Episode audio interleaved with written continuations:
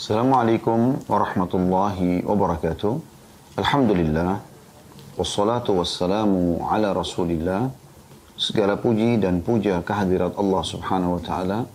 Juga salawat dan taslim kepada Nabi besar Muhammad sallallahu alaihi wa ala alihi wa sahbihi wasallam. Kita akan melanjutkan seperti biasa di hari Jumat bahasan pada buku Sahih At-Targhib Tarhib dan kita masih dalam kitab Jumat dan ini bab terakhir yang dibahas tentang bahasan hari Jumat, yaitu bab ketujuh, anjuran membaca surah Al-Kahfi pada malam dan siang hari Jumat. Saya akan langsung bacakan saja. Di sini ada dua buah hadis dari Nabi Sallallahu Alaihi Wasallam. Yang pertama adalah dengan sanad sahih Hadis nomor 736 dari awal kita belajar yang berbunyi dari Abu Sa'id Al-Khudri radhiyallahu anhu bahwa Nabi sallallahu alaihi wasallam bersabda, "Man qara'a surat al-Kahfi fi yaum al-jum'ah, adha'a lahu minan nuri ma bainal jum'atain."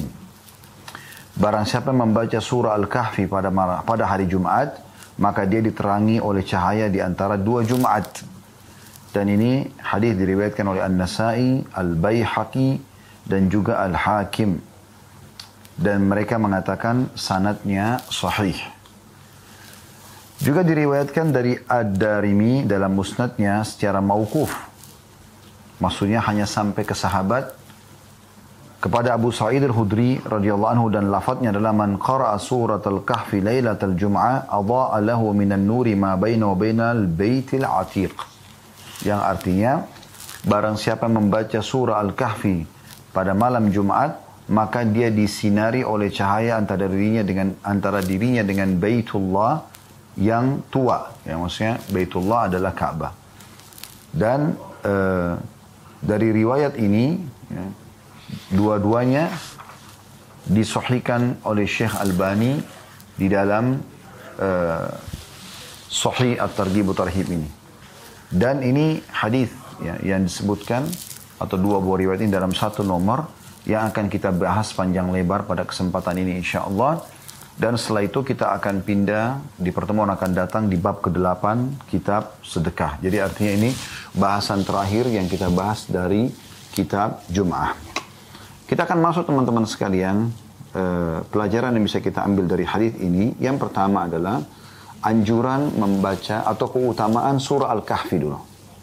Dan ini nanti yang membuat atau menyebabkan kita insya Allah pada pertemuan ini setelah menjelaskan faedah-faedah hadis kita akan coba membaca surah Al-Kahfi baik ayat ayat demi ayat dan juga terjemahannya. Dan kalau ada makna-makna yang bisa kita tambahkan keimanan kita atau hukum kita akan coba paparkan insya Allah 110 ayat dari surah 18 dalam Al-Quran yaitu surah Al-Kahfi.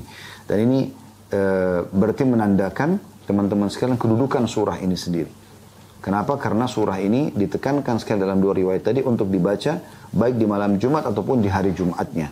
Dan memiliki keutamaan yang sangat besar sekali. Yaitu akan mendapatkan cahaya antara dia dengan Ka'bah atau cahaya antara uh, di, di, di dalam dua Jumat yang berlalu Jumat itu dan Jumat setelahnya. Dan kita akan insya Allah nukil pendapat-pendapat para ulama berhubungan dengan makna daripada ini. Baik, yang pertama adalah kedudukan daripada surah Al-Kahfi yang rutin dianjurkan baca sepekan sekali ya baik malam Jumat ataupun di hari Jumatnya. Pelajaran yang kedua eh, bagaimana Allah Subhanahu wa taala ya, eh, menjanjikan keutamaan yang sangat besar. Dari tadi yang pertama anjuran membaca surah Al-Kahfi, yang kedua itu adalah keutamaannya membaca surah Al-Kahfi yang tadi sudah kita singgung yaitu sebagaimana disebutkan dalam riwayat sini Allah akan memberikan dia kalau dia baca di malam Jumat cahaya yang dia disinari antara dirinya dengan Ka'bah ya. Kalau riwayat yang pertama tadi adalah siapa yang membaca surah Al-Kahfi di hari Jumat Allah akan berikan dia cahaya antara dua Jumat. Dan ini menandakan punya uh, keutamaan yang sangat luar biasa gitu. Baik, sekarang kalau ada yang bertanya apa yang dimaksud dengan riwayat yang pertama dia akan diberikan cahaya antara dua Jumat dan riwayat yang kedua ya, yang mauquf tadi yang sampai kepada Abu Sa'id al-Khudri saja radhiyallahu anhu uh, itu akan ada cahaya antara dia dengan Ka'bah. Kita akan coba lihat ya pendapat-pendapat ulama berhubungan dengan masalah ini. Yang pertama, makna daripada ya, cahaya di antara dua Jumat ini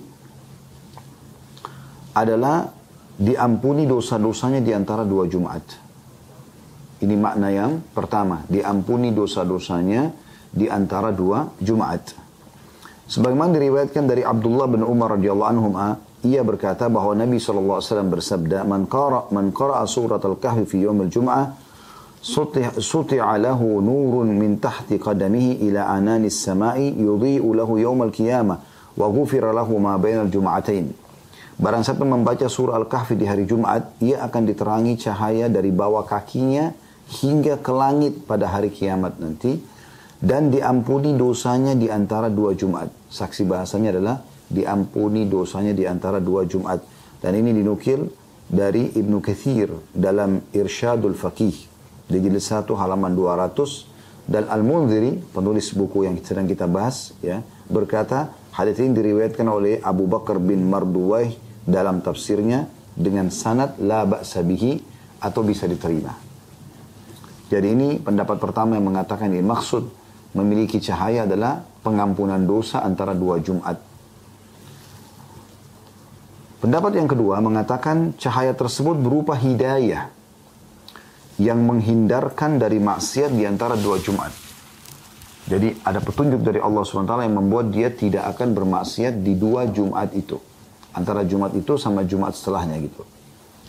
An-Nawawi, Imam Nawawi rahimahullah, salah satu ulama muslim yang masyhur berkata, "Ma'nahu annaha tamna'u minal ma'asi wa tanha 'anil fahsya'i wal munkari wa tahdi ila as-shawabi kama anna an-nura yustada'u bihi." Artinya, ia akan tertahan untuk melakukan maksiat. Yang yang baca surah Al-Kahfi di hari Jumat atau malam Jumat, dia akan tertahan dari maksiat sampai Jumat akan datang gitu maknanya ia akan tertahan untuk melakukan maksiat terhalangi untuk perbuatan fahisha perbuatan keji serta mungkar dan kesalahan-kesalahan sebagaimana cahaya menerangi sebagaimana cahaya yang menerangi.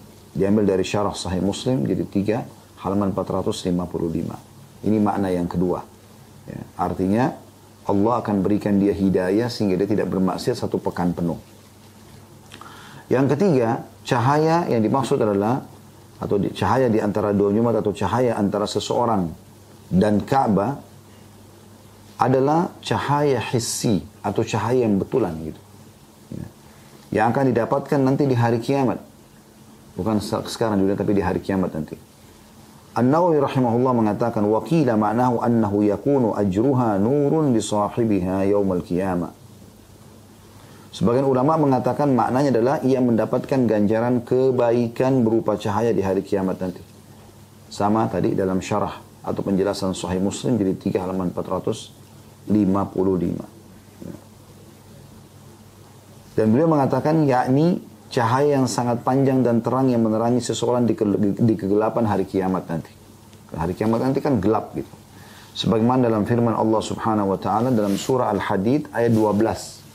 Dikuatkan pendapat ini dengan surah Al-Hadid ayat 12 yang bunyinya A'udzu billahi minasyaitonir rajim yauma taral mu'minina wal mu'minati yas'a nuruhum baina aydihim wa bi aymanihim pada hari kiamat itu engkau akan melihat orang-orang beriman laki-laki dan perempuan betapa cahaya mereka bersinar di depan dan di samping kanan mereka.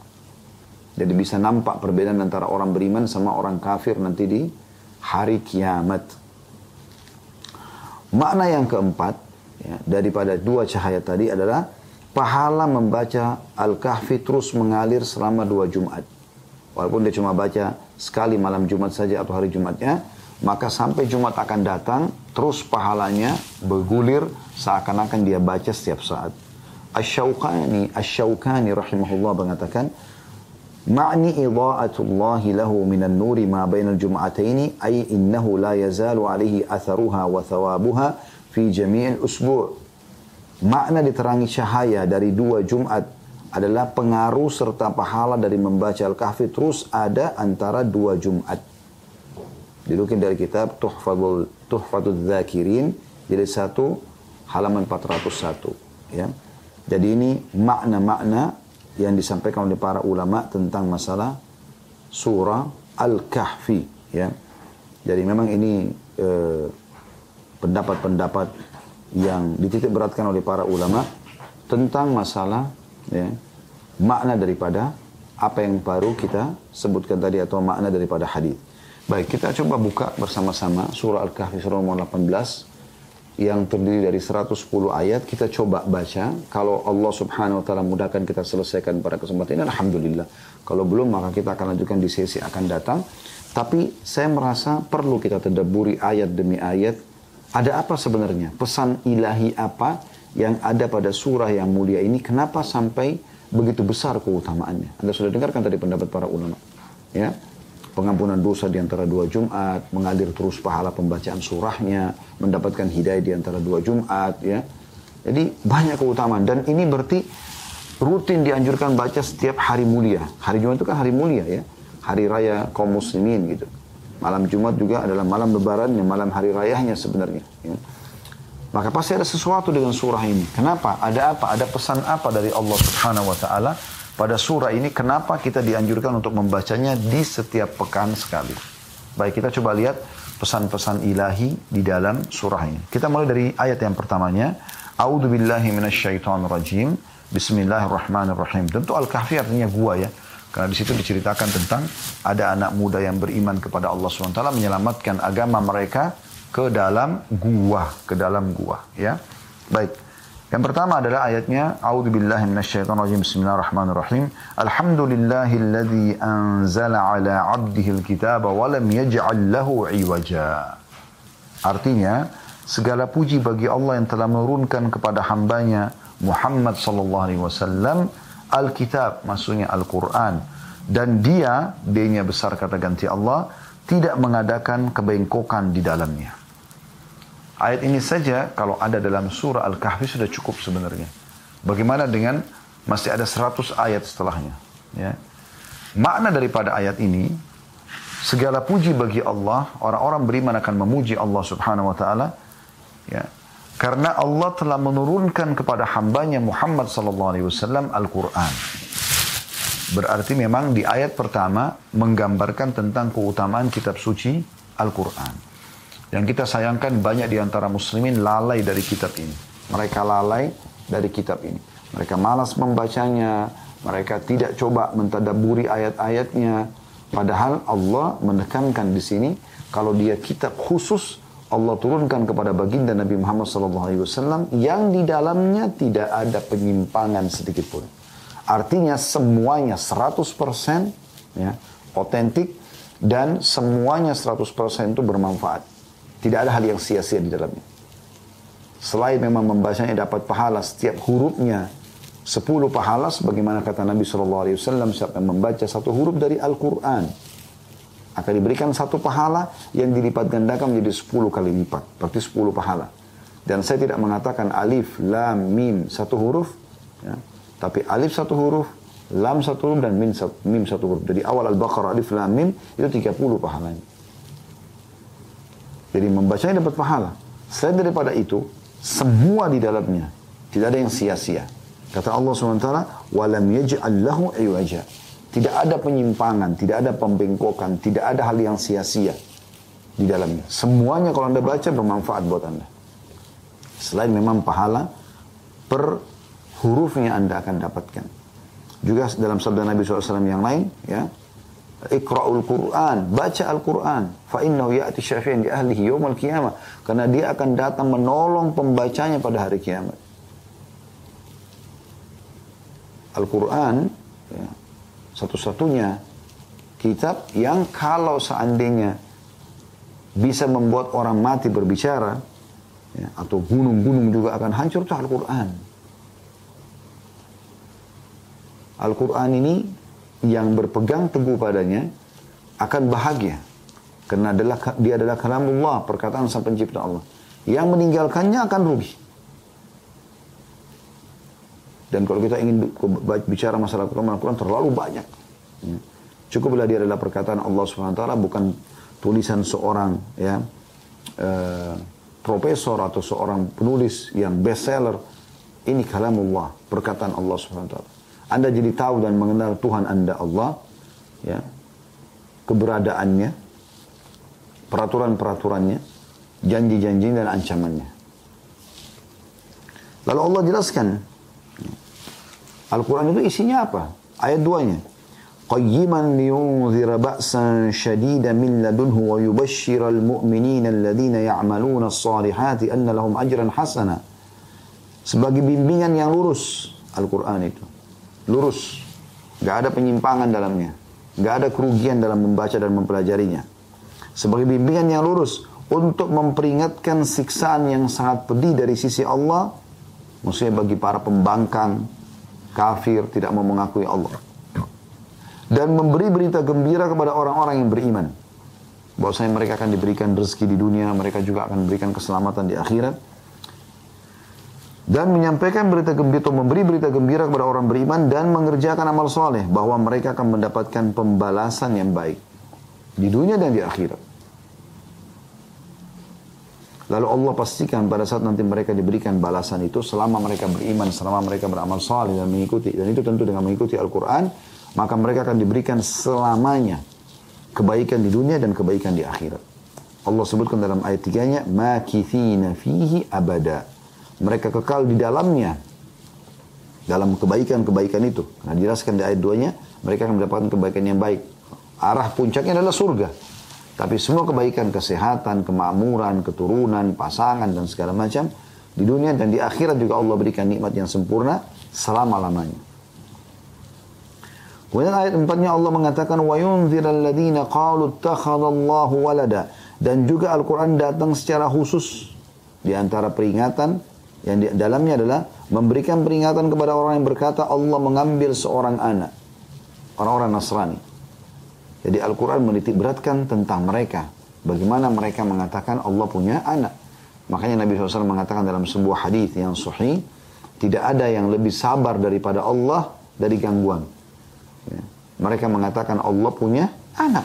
Padahal Allah mengatakan lam yalid walam yulad. Tidak beranak dan tidak diberanakkan. Ya. Dan ini sudah sering diingatkan agar jangan sampai ikut-ikutan dengan acara-acara saudara-saudara kita ini semoga mereka diberikan hidayah karena mereka meyakini Allah punya anak dan surah Al-Kahfi setiap pekan kita disuruh baca masalah itu. Dan ini sudah cukup teman-teman sekalian memberikan jawaban kepada kita kemarin Jangan ikut-ikutan mengucapkan Natal, jangan ikut-ikutan mengucapkan tahun baru. Tapi subhanallah banyak orang tidak enggak, menganggap tidak masalah, tidak masalah. Tidak masalah dari mana? Kita toleransi ya. Kita tetap boleh bersahabat, kita silaturahim dengan keluarga yang non-muslim, kita bakti sama orang tua kita, tapi jangan dukung masalah ibadahnya. Kalau dalam ibadah Allah mengatakan dalam surah Al-Kafirun, lakum dinukum waliyadin. Kalian punya agama, kami juga punya agama. Kami punya ritual, kalian juga punya ritual. Tidak usah campur aduk. Itu bukan toleransi namanya. Gitu kan? Itu bukan toleransi namanya. Baik, kita masuk ayat 5-nya. Allah mengatakan, "Ma lahum bihi min ilmi wala li abaihim kaburat kalimatan takhruju min afwahim in yaquluna illa kadhiba." Mereka sekali-kali tidak mempunyai pengetahuan tentang hal itu. Dari mana buktinya kalau Allah punya anak? Nabi Isa anak Tuhan. Dari mana ini? Begitu pula nenek moyang mereka. Alangkah buruklah kata-kata yang keluar dari mulut mereka. Mereka tidak mengatakan sesuatu kecuali dusta. Allah yang mendustakan keyakinan tersebut. Bukan kita orang Islam. Jadi kalau Anda mengatakan selamat, seakan-akan Anda mengatakan selamat atas keyakinan Anda. Kalau Allah punya anak. Dan itu tidak boleh. Tidak dibolehkan dalam Islam. Ya. Sekali lagi kita tetap silaturahim dengan kerabat kita. Kita tetap ya bakti sama orang tua kita yang non muslim tapi kita bantu orang susah di antara mereka semua kita bisa lakukan bertetangga partner bisnis tapi jangan dukung ibadahnya kalau sudah bicara masalah ritualnya ini nggak boleh ya dan harus difahami masalah ini tidak boleh selalu dipaksakan dan dikatakan tidak masalah tidak masalah tidak masalah ini toleransi bahkan yang dikatakan tidak mengucapkan berarti dia ya tidak bertoleransi ini keliru dari mana pemahaman dia Apalagi banyak orang-orang yang jahil terhadap ilmu agama lalu berbicara dalam masalah ini. Ya, seakan-akan berbicara ini adalah pembelaan dan dia seperti seorang alim padahal ilmunya sama sekali tidak ada. Allah musta'an. Ya. Ini kata Allah SWT dari 1400 tahun yang lalu. Pernyataan bahwasanya Allah punya anak perkataan atau pernyataan dusta. Ayat 6-nya Allah Subhanahu wa taala mengingatkan Nabi Muhammad SAW agar jangan bersedih kalau ada yang menolak dakwah Islam. Sampaikan saja, selebihnya jangan uh, membebani hidupmu gitu kan. Karena sebenarnya tidak ada kewajiban kita untuk memaksa orang mendapatkan hidayah. Hidayah di tangan Allah Subhanahu wa taala. Tugas kita hanya menyampaikan saja. Allah menyebutkan di ayat 6-nya. Ya, ini peringatan ayat 6 dari surah Al-Kahfi yang kita janjikan baca setiap pekan. فَلَعَلَّكَ بَاخِعٌ نَفْسَكَ عَلَىٰ آثَارِهِمْ إِلَّمْ يُؤْمِنُوا بِهَذَا الْحَدِيثِ أَسَفًا Maka apakah barangkali kamu akan membunuh dirimu karena bersedih setelah mereka berpaling sekiranya mereka tidak beriman kepada keterangan itu Al-Quran. Apakah hai Muhammad setelah engkau sampaikan Al-Quran lalu mereka menolak. Lalu kau merasa sedih, berlebihan. Akhirnya kau seakan-akan ingin membunuh dirimu untuk itu.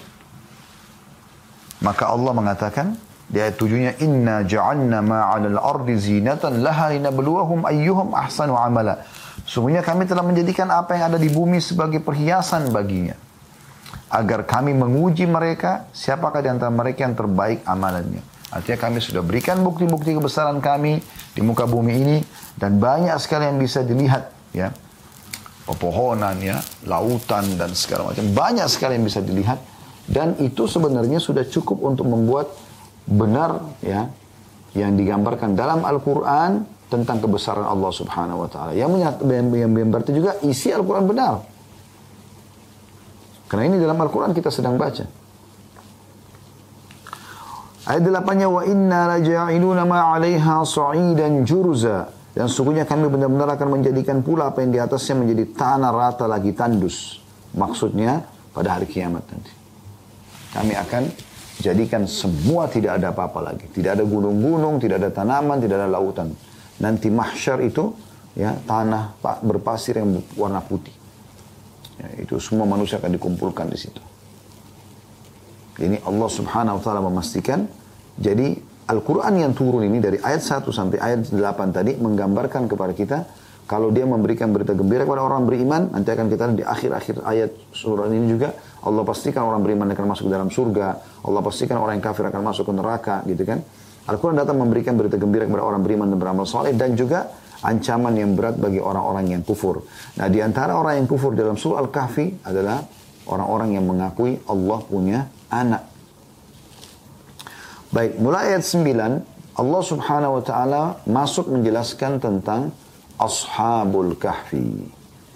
Dan dari sinilah sebab disebutkannya surah ini. Dikenal dengan surah Al-Kahfi. Al-Kahfi adalah gua. Ceritanya tentang ada beberapa orang anak muda, ya, tujuh orang anak muda, ya, mereka mau menyelamatkan diri mereka dari raja zalim pada saat itu yang memaksa mereka untuk meninggalkan beriman kepada Allah dan mereka tidak menemukan tempat yang paling aman untuk mereka dibandingkan gua. Maka Allah pun membuat mereka tidur di dalam gua itu selama 309 tahun. Ya. Dan ini pelajaran yang luar biasa. Bagaimana sesuatu yang mustahil di akal manusia, ada orang bisa tidur 309 tahun itu tanpa bangun. Nanti Allah bangunkan mereka setelah 309 tahun. Raja zalim itu dan seluruh sekutunya sudah wafat.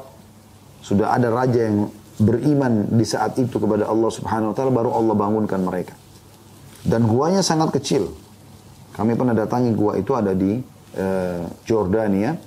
Dan uh, pendapat Allah Alam yang paling kuat menyatakan memang itu adalah gua Al-Kahfi itu.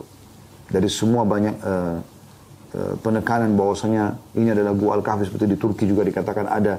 Tapi pendapat yang paling kuat sebenarnya adalah memang di Jordan. Dan itu kalau Anda berkunjung di sana, ya kami biasanya di Uhud Tour kalau ada paket umroh plus Palestina, pasti kami masuk ke Jordan lalu kemudian kami juga mendatangi gua Ashabul Kahfi dan di situ ada uh, pengurus khusus dari pemerintahan kerajaan Jordania, mereka uh, menjual DVD dalam bentuk DVD dan buku keterangan tentang bukti-bukti nyata kalau memang itu adalah gua Al-Kahfi yang disebutkan dalam Al-Quran. Dan ada eh, titik-titik uh, tempat mereka tidur pada saat itu. Ya. Baik, saya bacakan. A'udzubillahi minasyaitonirrajim. Am hasibta anna ashabal kahfi warrakimi kanu min ayatina ajaba. Ya. Apakah engkau mengira bahwa penghuni gua atau ashabul kahfi dan ar-rakim, mas, maksudnya batu bertuliskan kisah mereka, adalah termasuk ayat-ayat kami yang menakjubkan? Ini ada penjelasan dari para ulama.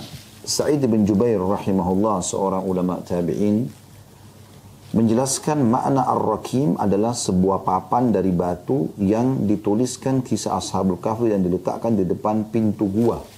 Sebagaimana dinukil dari tafsir At-Tabari.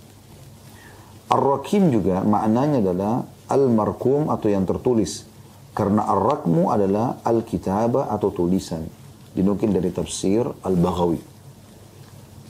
Pada ayat ini Allah Ta'ala bertanya, apakah kalian takjub dengan kisah Ashabul Kahfi? Yang itu adalah salah satu ayat tanda-tanda atau salah satu tanda-tanda kekuasaan Allah. Ya. Artinya kisah Ashabul Kahfi adalah sangat menakjubkan. Dan itu adalah salah satu tanda kekuasaan Allah. Namun sangat banyak tanda-tanda kekuasaan Allah ini yang jauh lebih besar dan lebih menakjubkan dari hal itu. Kata rahimahullah mengatakan banyak di antara ayat-ayat kami yang lebih menakjubkan dibandingkan hal itu atau kisah Ashabul Kahfi.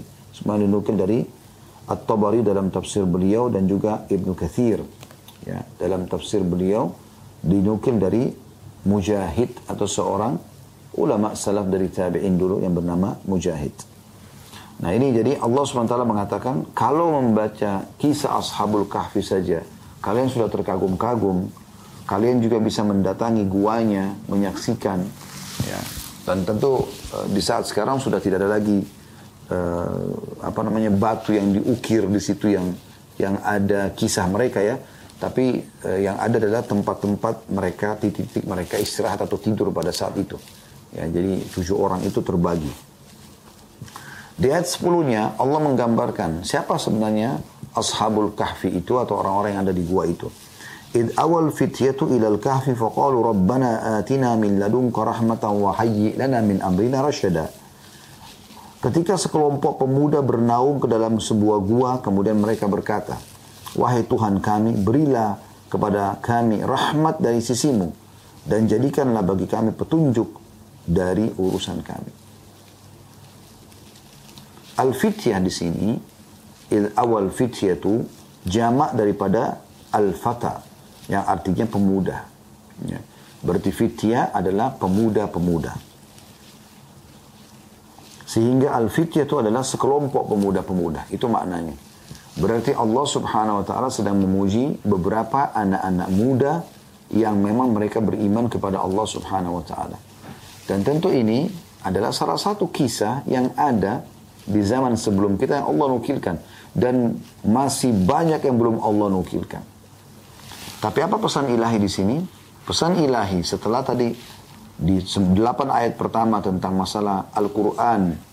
Ya, itu kita bisa mengatakan mutiara pertama dari surah Al-Kahfi 8 ayat pertama menjelaskan tentang keutamaan Al-Quran dan di dalamnya berisikan berita gembira bagi orang beriman dan beramal soleh dan ancaman bagi orang yang kufur ya dan di antaranya mengatakan Allah punya anak.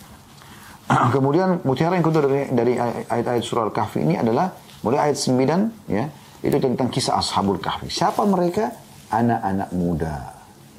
Berarti ada pujian Allah subhanahu wa ta'ala kepada anak-anak muda yang tumbuh di atas ketaatan Allah. Ini sejalan dengan makna hadis Nabi SAW yang sahih diriwayatkan Imam Bukhari. Ada tujuh golongan yang Allah akan naungi pada hari kiamat. Tidak ada naungan kecuali naungan Allah. Di antara dari tujuh golongan tersebut, ya, selain pemimpin yang adil, maka ada anak muda yang tumbuh di atas ketaatan Allah Subhanahu wa taala. Justru pada saat potensi mereka, energi mereka lagi maksimal, maka digunakan untuk ketaatan kepada Allah Subhanahu wa taala. Justru mereka tutup aurat, justru mereka menurunkan pandangan dari haram, justru mereka menjaga telinga dari pendengaran yang haram, justru mereka jaga kemaluan dari yang haram, tangan menjamah dari yang haram, kaki melangkah kepada tempat yang haram. Ini semua dijauhi, justru pada saat muda itu. Dan mereka sibukkan semua itu dengan ibadah. Sayang sekali banyak orang subhanallah di musim haji, musim umroh mereka yang datang orang-orang tua semua. Mana waktu masa mudanya dipakai untuk apa? Maksiat kepada Allah SWT. Ya. Bahkan kadang-kadang yang membuat saya tanda kutip sedikit tersinggung ya. Seakan-akan kalau ada anak muda yang tampan atau cantik atau uh, seorang wanita, anak-anak anak laki-laki yang tampan atau anak perempuan yang cantik, lalu hadir di majelis ilmu, atau misalnya soleh dan soleha, maka ada sebagian orang yang jauh dari agama dan jauh dari iman, mereka mengatakan, kok nggak jadi artis ya? Kok begini dan begitu? Seakan-akan, kok di sini sih tempatnya? Sayang gitu, harusnya di sana gitu. Harusnya dia dipamer ketampanannya, dipamer kecantikannya, lalu bermaksiat lah pura-pura jadi istri, pura-pura jadi suami, buat rekayasa cerita dan segala macam. Ini aneh sekali. Padahal justru orang yang tampan dan cantik harus lebih layak bersyukur kepada Allah dengan melakukan ketaatan kepada Allah. Kata Nabi SAW, Inna Allah yu'jibu min syabin laisa lahu sabuh. Atau kama kala Nabi SAW. Allah sangat kagum dengan anak muda yang tidak mengikuti hawa nafsunya. Justru di masa muda itu, potensi kita gunakan untuk ya eh, apa namanya beribadah kepada Allah Subhanahu Wa Taala. Apakah anda sudah tahu pemilik eh, Darul Arkam yang Nabi SAW menjadikannya sebagai basis dakwah di Mekah itu seorang anak muda umur 16 tahun? Apakah anda sudah tahu ya sahabat-sahabat yang mulia eh, termasuk di dalam surga seperti Talha bin Ubaidillah, Zubair bin Awam, Ali bin Abi Thalib, Ridwan Alim adalah dari orang di zaman surga adalah anak-anak muda yang tumbuh di atas ketaatan Allah Subhanahu wa taala. Ya.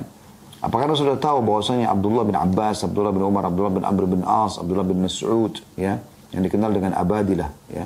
Empat orang yang dimulai dengan Abdullah namanya. Kemudian Anas bin Malik, Usama bin Zaid, Ridwanullah alim adalah anak-anak muda, sahabat yang mereka masih sangat muda waktu Nabi SAW meninggal pun umurnya masih belasan tahun, bahkan baru ada seperti Anas bin Malik umur 19 tahun. Yang lainnya dekat-dekat dengan itu atau mungkin lebih sedikit 2 3 tahun, 20 tahun, 21 tahun, 22 tahun. Waktu Nabi SAW meninggal. Jadi mereka habiskan masa kecilnya sama masa remajanya itu justru dengan meriwayatkan hadis, mempelajari hadis dengan ibadah kepada Allah SWT. Sehingga di umur-umur yang masih 20 tahun, 25 tahun mereka sudah jadi ulamanya muslimin. Kemudian di sini ada penjelasannya. Syekh Utsaimin rahimahullah menjelaskan bahwa itu adalah usia pemuda yang sempurna dalam hal kekuatan dan semangatnya. Maksudnya, Fitya ini, istilah fitya adalah justru puncak-puncaknya anak muda itu lagi banyak yang menyimpang. Dan mereka kebanyakan menggunakan potensi mereka itu justru kepada kemaksiatan. Ya. Al-fitya adalah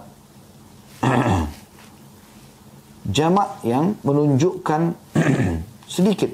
Walaupun dia jamak tapi jumlahnya tidak banyak gitu. Memberi faedah bahwasanya pemuda itu kurang dari sepuluh sebagaimana dinukil oleh Sa'di dalam tafsir tafsir beliau ya, di tafsir Sa'di di ayat ke-13. Dan para pemuda tersebut berlindung ke dalam gua diceritakan dalam ayat ini karena ingin selamat dari fitnah kaumnya, raja dan masyarakat pada saat itu yang mereka kufur kepada Allah. Oleh karena itu mereka anak-anak muda ini berdoa dalam ayat ini diceritakan ya Allah berikanlah kami rahmat dari sisimu. Ya yang dengannya kami kokoh di atas hak ini. Jadi jangan sampai kami goyah. Karena mereka kalau ketangkap mereka akan disiksa. Kecuali mereka menyatakan kufur kepada Allah. Dan mudah-mudahan kami sela, kami semua ya atau mudahkanlah kepada kami semua hal yang menyampaikan pada petunjuk. Perbaikilah urusan din dan agama kami atau urusan agama kami dan urusan dunia kami. Gitu kan? Jadi di sini kita ambil pelajaran juga teman-teman sekalian Bukan hanya potensi dan energi yang kita luangkan untuk ibadah. Tapi jangan luput selalu kita merendah di hadapan Allah subhanahu wa ta'ala. Kita berdoa agar apa yang sudah kita kerjakan diterima olehnya. Itu tidak kalah penting. Ya, itu tidak kalah penting. Bahkan itu sesuatu yang sangat penting. Anda pernah dengar nggak kisah Nabi Ibrahim alaihissalam dan uh, Nabi Ismail alaihissalam selepas mereka membangun Ka'bah yang merupakan perintah Allah Subhanahu wa taala. Membangun Ka'bah itu perintah Allah Subhanahu wa taala.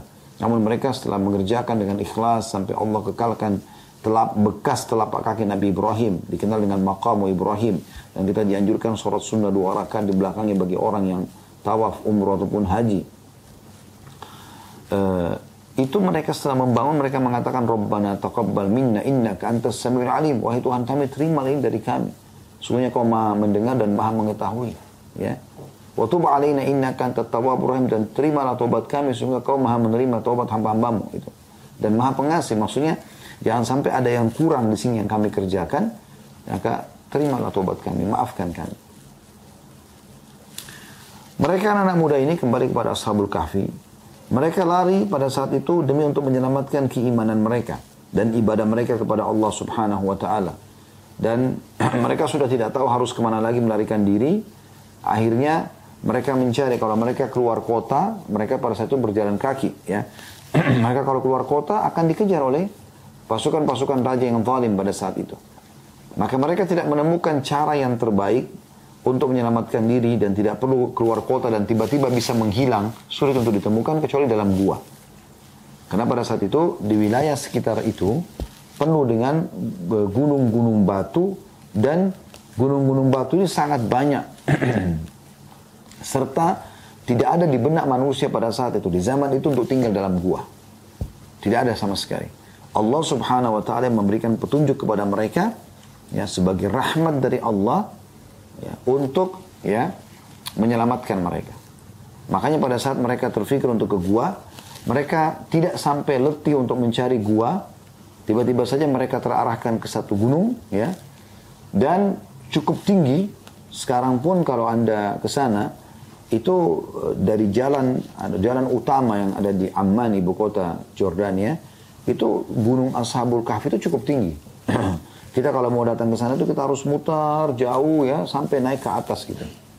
Walaupun harus sudah ada jalan di sana ada masjid segala macam tapi maksud saya memang di zaman itu tuh sangat jauh dari pemukiman tapi masih dalam wilayah sekitar situ jadi kalau mereka melarikan diri dengan jalan kaki, dengan uh, lari, maka tetap akan ketangkap oleh Raja Zalim tersebut. Maka mereka lari ke gua dan itu petunjuk dari Allah SWT. Makanya pada saat mereka masuk, mereka ucapkan doa ini.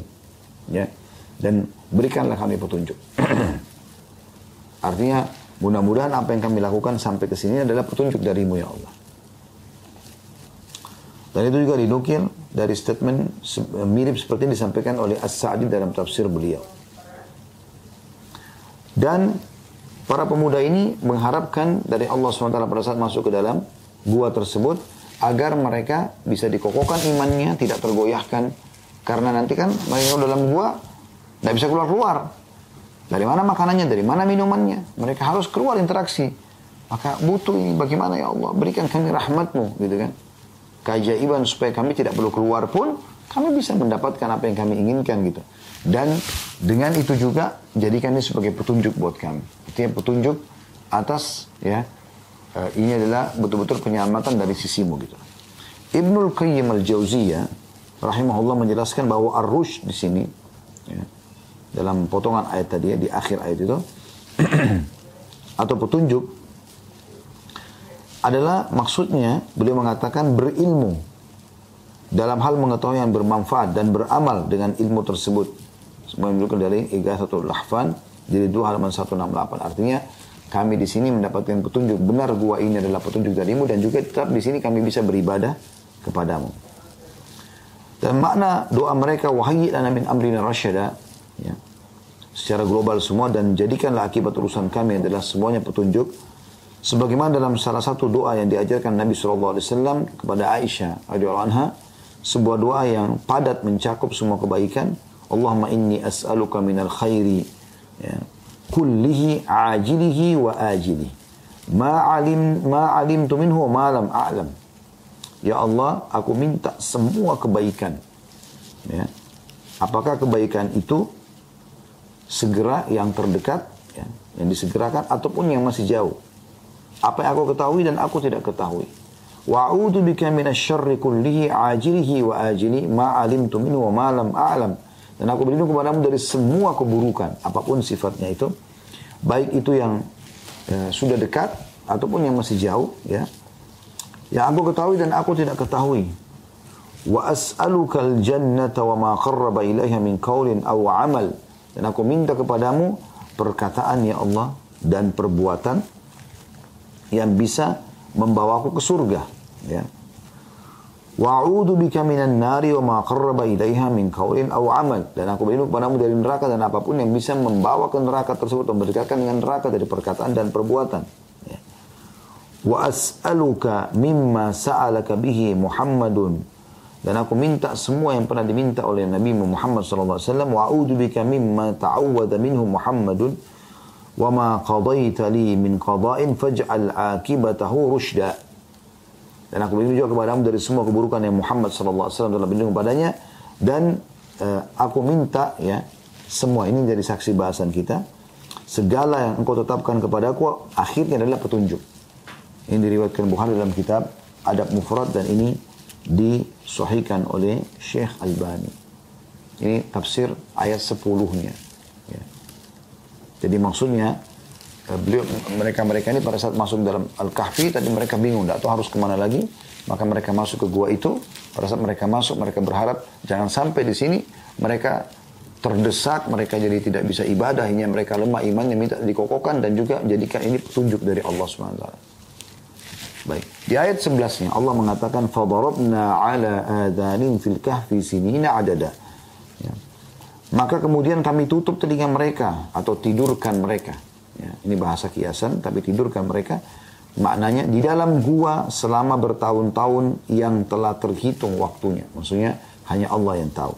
Dalam ayat ini Allah menjelaskan bahwasanya dialah yang telah menidurkan para pemuda Ashabul Kahfi itu selama bertahun-tahun. Ya. Dan di sini disebutkan sinina adada tahun bertahun tak bertahun-tahun tertentu ya maksudnya tahun-tahun yang terhitung waktunya Allah ya menjelaskan itu masih dalam surah Al-Kahfinya, kalau yang dimaksud adalah 309 tahun. Sebagaimana nanti kita lihat di ayat 25-nya. Ya, Allah jelaskan itu. Dan dengan ditidurkannya mereka, maka terdapat penjagaan bagi hati mereka dari rasa takut dan keguncangan, tadi khawatir iman mereka goyah misalnya, atau mereka jadi eh, apa namanya goyah imannya karena terancam akan dibunuh oleh raja zalim dan para penduduk yang kufur kepada Allah pada saat itu dan juga penjagaan bagi mereka dari kaum ya dari kaum mereka yang telah dijelaskan dalam uh, apa yang mereka ucapkan ya, kekufuran mereka atau mengizinkan mereka tentang kekufuran mereka nanti hanya membunuh atau menyiksa anak-anak muda ini. Dan perkataan Allah SWT, فَضَرَبْنَا عَلَىٰ آذَانِهِمْ Dan kami tutup telinga mereka menunjukkan bahwa tidur mereka adalah tidur yang sangat nyenyak. Sehingga tidak bisa mendengar segala hal di sekitar mereka. Semua disebutkan oleh Ibnu Uthaymin dalam tafsir surah Al-Kahfi. Maksudnya adalah Allah betul-betul tidurkan mereka ya yang apapun terjadi, goncangan apapun, teriakan apapun tidak akan membuat mereka bangun. Tapi mereka tidur bukan mati. Dan ini Biasanya begitu ada orang kalau kena nyenyaknya tidurnya sampai dia sudah tidak bisa lagi mendengar apa-apa gitu ya. Kemudian ayat 12-nya Allah mengatakan summa ba'atsnahum lina'lama ayyul hizbaini ahsa lima labithu amada.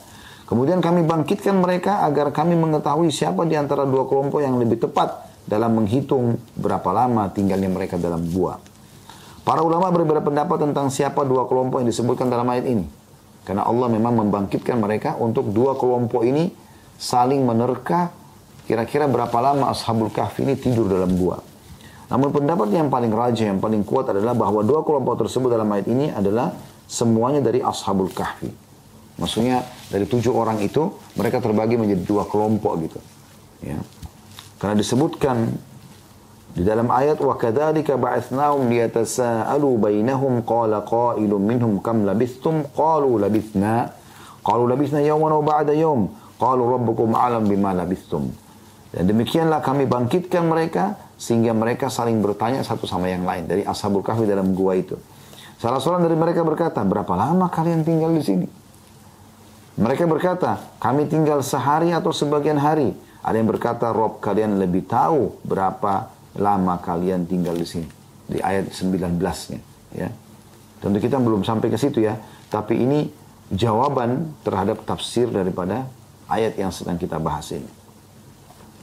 Karena kita sedang membahas ayat 12 sekarang. ya. Jadi yang dimaksud di sini yang paling tepat pendapatnya adalah dan agar dua kelompok itu mengetahui tentang jumlah mereka berapa lama mereka tinggal di gua ya agar mereka bisa mempelajari tentang keajaiban dan kemahakuasaan Allah SWT adalah dari Ashabul Kahfi itu sendiri. Pihak yang berkata, Rob kalianlah yang paling tahu berapa lama kalian tinggal adalah pihak yang paling tepat dalam menentukan berapa lama mereka tinggal. Artinya masa tinggal mereka sangat lama. Ya. Sebagaimana disebutkan dari kitab Adwa'ul Bayan ya punyanya Syekh Shinkiti dalam tafsir beliau Adwa al-Bayan, mereka beliau menjelaskan masalah itu. Jadi pada saat dua kelompok itu, yang satu mengatakan sekian tahun, ya sekian waktu, yang satu mengatakan enggak Allah lebih tahu. Dan ini yang lebih tepat dari dua kelompok itu.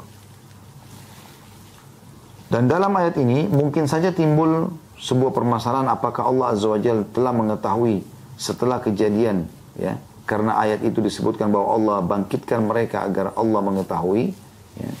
Syekh Utsaimin rahimahullah menjelaskan makna li'al uh, lina'lama atau agar kami mengetahui bahwa mengetahui dalam ayat ini maknanya adalah pertama ilmu yang terkait dengan melihat atau menyaksikan telah dimaklumi bahwa ilmu tentang sesuatu yang akan terjadi berbeda dengan ilmu terhadap sesuatu yang telah terjadi.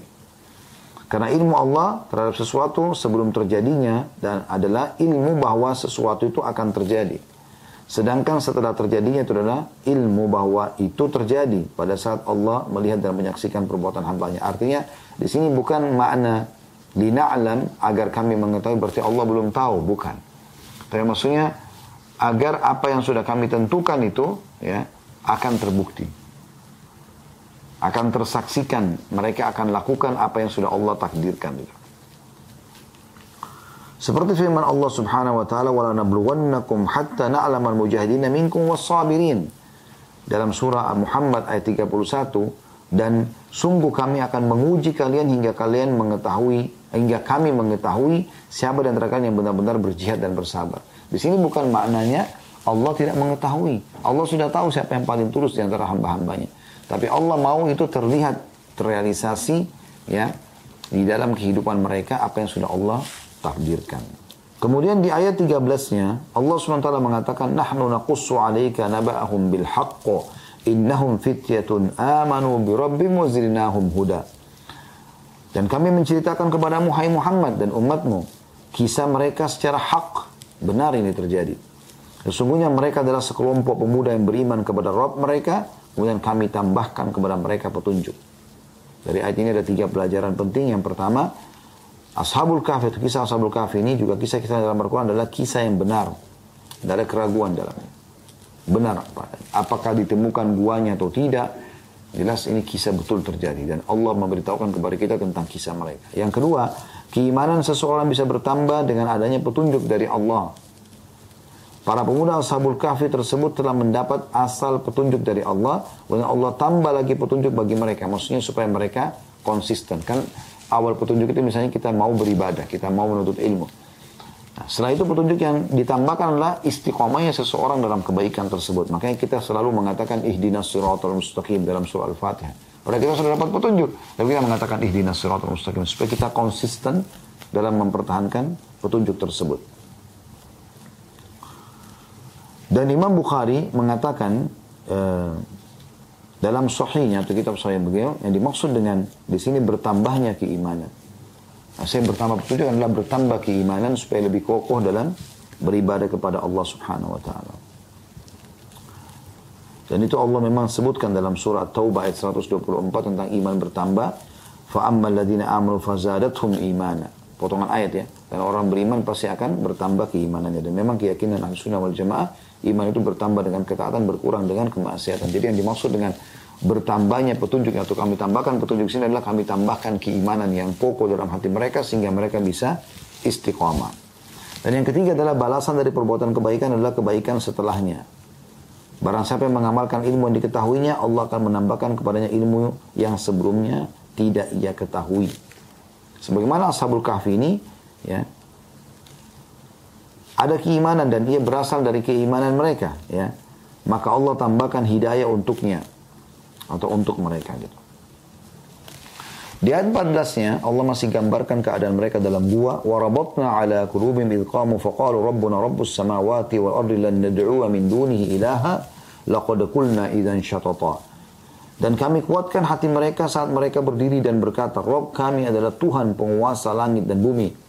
Kami tidak akan pernah berdoa atau beribadah kepada sesembahan selainnya. Jika sampai kami mengetahui hal itu, ya, sungguh kami telah mengucapkan ucapan yang jauh atau menyimpang dari kebenaran. Dari hadis ini kita bisa ambil pelajaran pertama, Allah yang mengukuhkan hati orang-orang beriman saat mereka kokoh menyampaikan al-haq. Jadi kapan anda mulai mengenal agama Allah, mulai belajar, mau mulai mau terapkan, maka Allah akan kokohkan itu selama anda memang mau. Ya. Jadi mulai dari diri kita dulu. Gitu kan. Jadi Allah berikan pertama sinyalnya, kalau anda raih itu azan misalnya, udah saya mau sholat. Nanti Allah kokohkan hati anda untuk meneruskan sholat itu sampai selesai. Gitu. Anda mulai membaca Quran, nanti Allah, kalau Anda lakukan, Allah akan kokohkan iman Anda, supaya Anda menyelesaikan atau membaca lebih banyak ayat Al-Quran, begitu terus dengan ibadah-ibadah yang lainnya. Allah SWT mengukuhkan hati ashabul kahfi sehingga kuat dalam menyampaikan akidah dan keyakinan mereka. Semuanya disebutkan dalam ayat ini. Maksudnya, ini kisah di ayat 14 ini, sebelum mereka masuk ke dalam gua, mereka sempat mengatakan perkataan ini di depan kaumnya. Waktu mereka diajak untuk syirik kepada Allah, mereka tidak mau. Dan ini juga yang membuat Allah subhanahu wa ta'ala kokohkan hatinya eh, ibunya Nabi Musa alaihissalam ya. Pada saat Nabi Musa harus ditaruh dalam kotak dan seterusnya gitu kan. Yang mengukuhkan hatinya Nabi Musa sendiri pada saat di depan matanya laut merah. Kemudian di belakangnya Firaun yang akan membantai mem, uh, seluruh orang-orang beriman pada saat itu. Uh, ini juga yang mengukuhkan uh, uh, hati uh, Nabi Isa alaihissalam pada saat uh, beliau harus berdakwah di kaumnya yang yang ada di antara mereka tetap mengingkari tentang kenabiannya dan seterusnya. Kemudian teman-teman sekalian, selanjutnya di ayat ke-15-nya ya, Haulai qaumun ittakhadhu min dunihi aliha laula ya'tuna 'alaihim bisultanin bayyin faman adzlamu mimman iftara 'ala Allah kadhiba Kaum kami ini telah menjadikan selain dia, selain Allah sebagai Tuhan-Tuhan yang disembah. Maksudnya pada saat itu mereka sembah berhala-berhala. Ya. Karena anak-anak muda ini dipaksa untuk menyembah, mereka tidak mau. Mengapa mereka tidak mengemukakan alasan yang terang tentang kepercayaan mereka? Jadi pas anak muda ini mengatakan, kenapa kalian sembah berhala-berhala untuk apa? Apa manfaatnya? Mereka bisa apakan, bisa lakukan apa buat kalian? Gak ada jawaban yang jelas dari kaumnya. Jadi ini mirip dengan kisah Nabi Ibrahim alaihissalam ya. Siapakah yang lebih zalim daripada orang-orang yang mengadakan kebohongan terhadap Allah? Jadi anak-anak muda ini masih dalam keadaan fitrahnya, masih dalam keadaan keyakinan yang benarnya dalam hatinya, mereka tidak menerima ini. Gak masuk akal. Kenapa berhala? Gitu kan? Dan itu luar biasa bagaimana syaitan menyesatkan orang penyembah berhala ini. Makanya sangat wajar Nabi Ibrahim AS mengatakan, menunjuk berhala sambil mengatakan, Innahunna adwalna kathiran minan nas. Berhala-berhala ini ya Allah banyak sekali menyesatkan manusia karena ditunggangi oleh syaitan. Jelas-jelas patung nggak bisa buat apa-apa, tapi dianggap Tuhan gitu. Ya. Sampai waktu Nabi SAW menaklukkan kota Mekah dan beliau keliling untuk menghancurkan 360 berhala. Orang-orang Quraisy terperangah dan mereka antara percaya dengan tidak yang mereka selama ini anggap ya mengucapkan kata buruk saja di depan patung yang mereka kultuskan itu sudah bisa terjadi. Bahkan ada di antara mereka yang tidak berani menatap patung yang mereka anggap Tuhan itu. Nabi SAW tunjukkan kepada mereka semua ini kebohongan. Beliau menggunakan tongkatnya dan belum ada yang ada patung yang disentuh sama tongkat hancur. Ada yang belum disentuh sudah hancur. Terakhir Nabi SAW biarkan hubal. Hubal itu patung yang paling besar. Bahkan patung itu dirantai sama mereka dengan maksud supaya tidak ada yang mencurinya gitu. Dia tak, mereka takut Tuhannya dicuri. Maka Nabi SAW di atas unta beliau yang mulia, ya, beliau memegang tongkat lalu menusuk ke matanya Hubal. Lalu goncanglah Hubal sampai tiga kali dan beliau membaca wakul wakul ja'al haq wa zahaqal batil inna batila kana zahuka. Katakan telah datang kebenaran ya dan kebatilan pasti akan hancur pasti kebatilan itu akan hilang. Maka hancurlah Hubal pada saat itu dan tidak tersisa lagi patung di dekat Ka'bah. Baik ayat 16-nya wa idh ma ya'buduna innallaha fa'u ilal kahfi yanshur lakum rabbukum min rahmati wa yuhayyi lakum min amrikum mirfaqa. Dan apakah kali apakah kamu meninggalkan mereka dan apa yang mereka sembah selain Allah? Maka carilah tempat berlindung ke dalam gua, niscaya Tuhanmu akan melimpahkan sebagian rahmatnya kepadamu dan menyediakan sesuatu yang berguna bagimu dalam urusan kamu. Di sini ayat 16-nya Allah menggambarkan anak-anak muda ini ya sebagai sebagaimana juga dalam beberapa asar mereka sebenarnya anak-anak tokoh masyarakat, anak-anak pejabat. Mereka punya pengaruh, ya. Maka pada saat mereka dengan akal sehatnya ya, mereka menolak ajaran untuk menyembah berhala-berhala ini, maka uh, satu sama lain mengatakan kayaknya sudah nggak ada gunanya kita menyampaikan ini sama mereka, apalagi raja mereka pada itu mengancam akan menghukum mati. Maka mereka pun melarikan diri dan sudah saya sampaikan tadi bagaimana gua tempat paling aman pada saat itu uh, agar tidak dijangkau oleh orang-orang zalim tersebut. Lalu Allah gambarkan di ayat 17-nya tentang bagaimana kondisi mereka dalam gua dan bagaimana Allah Subhanahu wa taala mengawetkan badan mereka 309 tahun. Allah mengatakan, "Wa syamsa إذا طلعت تزاور عن كهفهم ذات اليمين وإذا غربت تغرد ذات الشمال وهم في فجوة منه ذلك من آيات الله من يهدي الله فهو المهتد ومن يضلل فلن تجد له وليا مرشدا dan kamu akan melihat matahari ketika terbit condong dari gua mereka ke sebelah kanan dan bila matahari terbenam menjauhi mereka ke sebelah kiri ya sedangkan mereka berada dalam tempat yang luas dalam gua itu itu adalah sebagian dari tanda-tanda kebesaran Allah. Barang siapa yang diberi petunjuk oleh Allah, maka dia yang mendapat petunjuk. Dan barang siapa yang disesatkan, maka kamu tidak akan mendapatkan seseorang pemimpin pun yang dapat memberi petunjuk kepadanya. Jadi artinya, kamu akan melihat matahari ketika terbit condong dari gua mereka di sebelah kanan. Ya. Dan bila matahari terbenam, menjauh ke sebelah kiri. Ya. Yang saya pernah lihat di situ, di gua Sabul Kahfi itu, di sisi kanan gua bagian dalam itu di sebelah kanan itu seperti ada lubang memang ya. Dan di sebelah kiri juga begitu. Uh, yang di sini memang tempat terbitnya matahari dan di sana terbitnya matahari. Allah maha kuasa membuat cahaya matahari itu hanya masuk menimpa mereka hanya pada saat terbit dan pada saat terbenam. Ya. dan tentu anda tidak asing lagi sekarang dengan uh, penelitian ya kalau kalau uh, cahaya matahari di awal terbit ataupun di pada saat mau terbenam ya itu sangat bagus gitu ya. Sangat baik. Beda dengan kalau di siang hari terik yang bisa merusak kulit. Uh, atau bermanfaat buat manusia di awal terbit dan terbenam. Maka ini salah satu yang Allah gambarkan dalam Al-Quran pada saat Allah ya menjaga tubuh mereka. Selain memang penjagaan Allah sudah jelas ini salah satu sebabnya saja.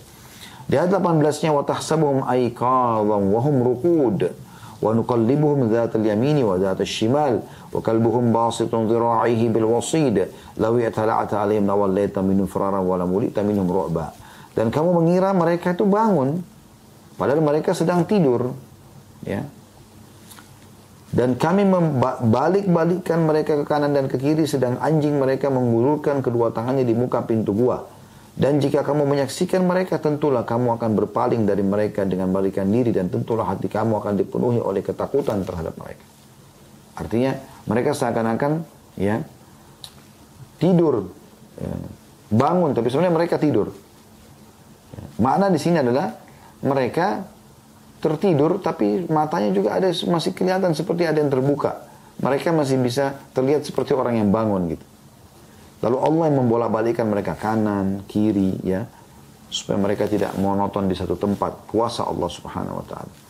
Dan di sini maksudnya adalah kalau orang masuk ke sana, Allah orang lihat mungkin orang akan ketakutan melihat kejadian tersebut. Ya, karena keadaan mereka yang seakan-akan ya mereka itu bergerak bergerak kanan kiri dan mereka seakan-akan tidak tidur padahal mereka sedang tidur. Di ayat 19-nya wa kadzalika ba'athnahum liyatasaalu bainahum qala qailun minhum kam labithtum qalu labithna yawman aw ba'da yawm qalu rabbukum a'lam bima labithtum fab'athu ahadakum biwarqikum hadhihi ila al-madinati falyanzur ayyuha ayyuha azqa ta'aman falyatikum birizqin minhu wa liyatalattaf wa la yushiranna bikum ahada dan demikianlah kami bangunkan mereka setelah itu. Itu setelah 309 tahun nanti akan kita lihat di ayat 25 penjelasan itu ya. Dan kami bangunkan mereka agar mereka saling bertanya di antara mereka. Ya sendiri di antara mereka. Ya. Salah satu berkata, sudah berapa lama kita berada di sini? Mereka menjawab, yang lain menjawab, kita berada di sini sehari atau setengah hari saja. Ya. Yang lain berkata, Tuhan kamu lebih tahu berapa lama kamu sedang berada di sini. Caranya, ya, suruhlah salah seorang di antara kamu pergi ke kota untuk membawa uang perak ini, dan hendaklah dia lihat mana makanan yang lebih baik. Hendaklah dia membawa makanan itu untukmu dan hendaklah ia berlaku lemah lembut dan jangan sekali-kali menceritakan keadaanmu pada seseorang. Maksudnya, pada saat mereka bangun, mereka ini berbeda pendapat. Berapa lama kita di sini nih? Kok kayak ada yang merasa cuma setengah hari, ada yang mengatakan sehari. Ada juga yang mengatakan kayaknya nggak mungkin. Kok kayak berbeda gitu. Berbeda kondisi, keadaan seperti ada sesuatu yang lain. Lalu dia tidak mau menerka, kelompok yang kedua lalu mengatakan, sepertinya Allah lebih tahu. Ya. Jadi mereka tidak mau menerka gitu. Dan ini sudah kita sebutkan tadi ini kelompok yang benar dari dua itu yang Allah sebutkan ya. Lalu mereka pada saat itu Allah munculkan rasa lapar dalam hati mereka karena Allah ingin memang mereka nampak di tengah-tengah kaum mereka yang tadinya kaum yang kufur setelah 309 tahun ini sudah berubah. Rajanya sudah raja yang beriman kepada Allah, masyarakat juga sudah beriman kepada Allah. Maka mereka masih punya uang perak yang mereka simpan di kantong mereka dan Allah juga abadikan itu. Maka ada satu orang di antara mereka keluar menuju ke pasar dengan tujuan mau membeli makanan. Ya. Yang saya pernah temukan ada sebuah athar yang menjelaskan pada saat uh, memang kisah Ashabul Kahfi ini dinukil dengan hikmah Allah SWT dari mulut ke mulut sudah ratusan tahun gitu. Ada anak muda dulu soalnya mereka melarikan diri tapi tidak tahu di mana gitu kan. Pada saat dia ke pasar, dia mau beli makanan, kemudian dia keluarkan uang peraknya. Uang perak ini sudah tidak berlaku di masa itu. Karena uang perak ini uang dulu gitu. Maka si penjual ini mulai penasaran gitu kan. Nanya-nanya lah sampai akhirnya kebongkar. Walaupun pesannya di sini di ayat 20-nya perhatikan ya. E, pada saat orang salah satu di antara mereka bicara coba ada yang keluar di antara kita beli makanan tapi jangan sampai nampak gitu kan. Karena di ayat 20 dikatakan innahum in yadhharu alaikum yarjumukum aw yu'idukum fi millatin wa tuflihu idan abada. Sesungguhnya jika mereka dapat mengetahui tempatmu dia tidak sembunyi-sembunyi beli makanan nih dan ketahuan oleh raja zalim dan masyarakat itu, maka niscaya mereka akan melempar kamu dengan batu, merajam. Karena memang di situ ancamannya kalau mereka tak beriman pada Allah akan dibunuh gitu kan. Atau memaksamu kembali kepada agama mereka, menyembah berhala-berhala. Dan jika demikian, niscaya kamu akan tidak akan beruntung selamanya. Di ayat 21-nya. وكذلك عثرنا عليهم ليعلموا أن وعد الله حق وأن الساعة لا ريب فيها إذ يتنازعون بينهم أمرهم فقالوا بنوا عليهم بنيانا ربهم أعلم بهم Qala alladziina ghalabu ala amrin ala amrin lanattakhidanna alaihim masjida. Maka demikian pula kami mempertemukan manusia dengan mereka. Nah, tadi kasusnya pada saat satu orang sudah belanja, dilihat uangnya kok uang kuno gitu, ya. Mulailah ditanya, akhirnya terungkap gitu. Allah mengatakan itu hikmah Allah. Demikianlah kami mempertemukan manusia dengan mereka agar manusia itu mengetahui bahwa janji Allah itu benar. Jadi kisah Sabul Kahfi itu sudah dinukil di antara masyarakat pada saat itu kan. Dan bahwa kedatangan hari kiamat tidak ada keraguan padanya. Akhirnya mereka jadi tahu. Oh ini anak muda nih. ya Yang dulu lari gitu kan. Menyelamatkan diri. Di mana teman-temanmu? Diungkapkan gitu kan. Oleh yang belanja ini gitu. Karena pada saat itu dia sempat bicara sama dalam sebuah athar yang pernah kami temukan. Dia sempat bicara dengan uh, penjual tersebut. Uh, siapa raja? Uh, bagaimana keadaan raja sekarang gitu ya. Maka dia mengatakan raja kami fulan bin fulan gitu disebutkan namanya beriman kepada Allah. Maka orang yang beri makan ini kaget loh. Bukankah raja kalian fulan bin fulan? Maka si penjual makanan itu raja yang sudah meninggal ratusan tahun yang lalu. Itu raja kufur kepada Allah. Maka si salah satu ashabul kahfi yang beli makanan ini kaget loh. Kok bisa? Sudah meninggal? Iya. Sekarang raja kalian berapa lama meninggal sekian ratus tahun yang lalu. Jadi dia ragu juga dengan dirinya sendiri. Ini ratusan tahun yang lalu. Maka mulailah terjadi pembicaraan pada satu di pasar. Karena di pasar keramaian mulailah orang menukil pembicaraan. Orang akhirnya Allah berikan petunjuk. Orang-orang merasa ini adalah Ashabul Kahfi yang dulu hilang ceritanya ratusan tahun yang lalu gitu.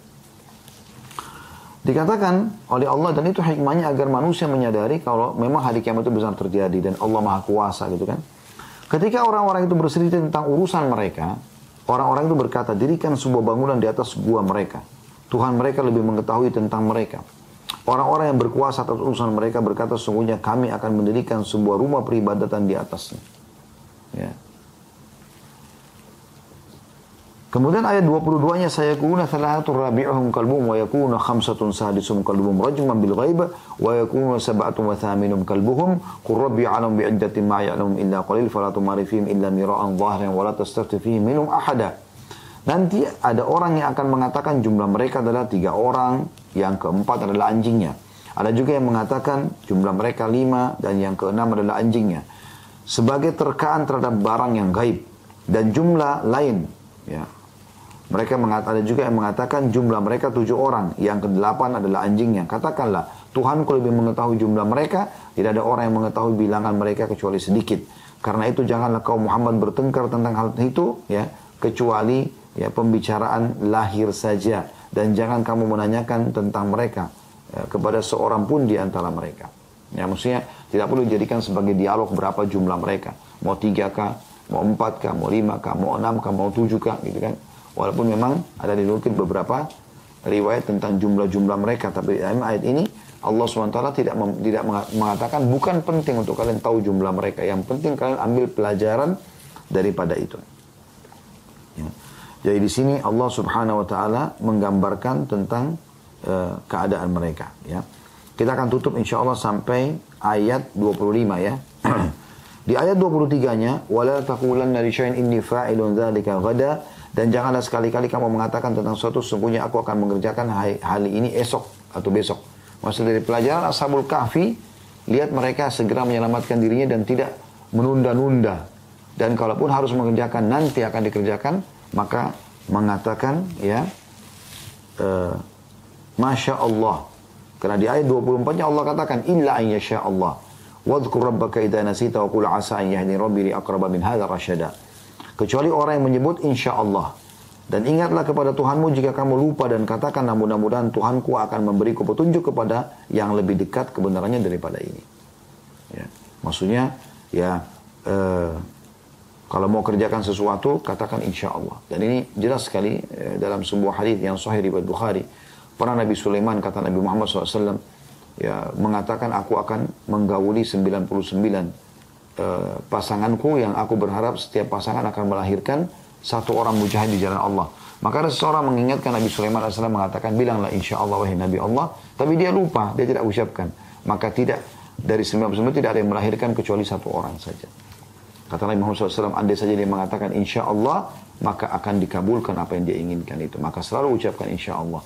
Dan dari ayat ini juga kita ambil pelajaran, kebanyakan orang teman-teman kata-kata insya Allah ini dianggap, kalau misalnya dia janjian nih, Nanti kamu datang ke rumah saya besok ya, insya Allah. Oh jangan insya Allah dong. Seakan-akan insya Allah itu bukan sesuatu yang pasti. Terbalik, insya Allah itu berarti pasti akan datang. Jadi kalau ada halangan pun berarti itu dengan keinginan Allah subhanahu wa ta'ala. Di ayat 25-nya, eh, sampai ayat 26 ya tepatnya.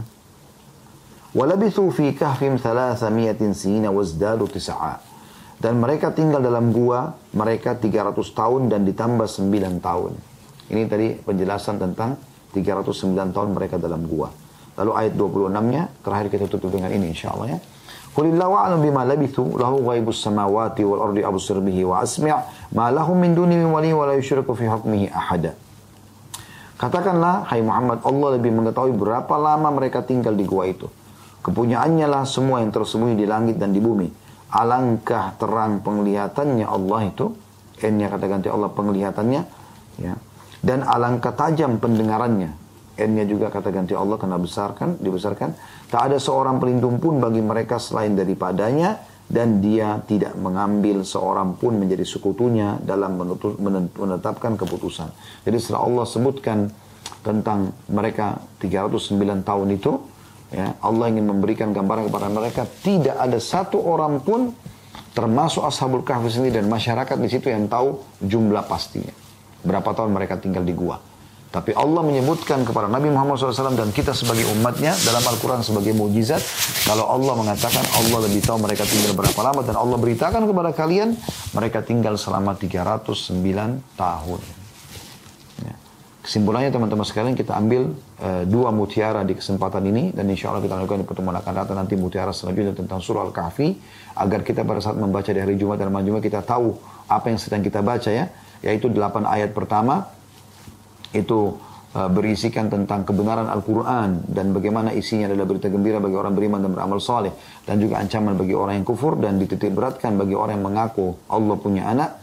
Ya bagi yang kufur ini kemudian dari ayat 9 sampai ayat 26 itu tentang kisah ashabul kahfi anak-anak muda yang menyelamatkan iman dan akidah mereka ya dari raja-raja dari raja zalim dan masyarakat zalim yang menyembah berhala dan syirik kepada Allah SWT agar mereka selamat ya eh, dan Allah SWT kekalkan mereka selama 309 tahun ya dan dijadikan sebagai tanda-tanda pelajaran bagi manusia pada saat itu kalau Allah Maha Kuasa dan Allah itu ada dan juga Allah Subhanahu wa taala menjadikan pelajaran buat kita semua dengan dikekalkannya dalam surah Al-Quran yang dikenal dengan surah Al-Kahfi dan dari sinilah sebab disebutkannya surah Al-Kahfi. Dan insya Allah kita akan lanjutkan nanti pertemuan akan datang sisa ayat-ayatnya yang kita coba ambil hikmah dan pelajarannya insya Allah.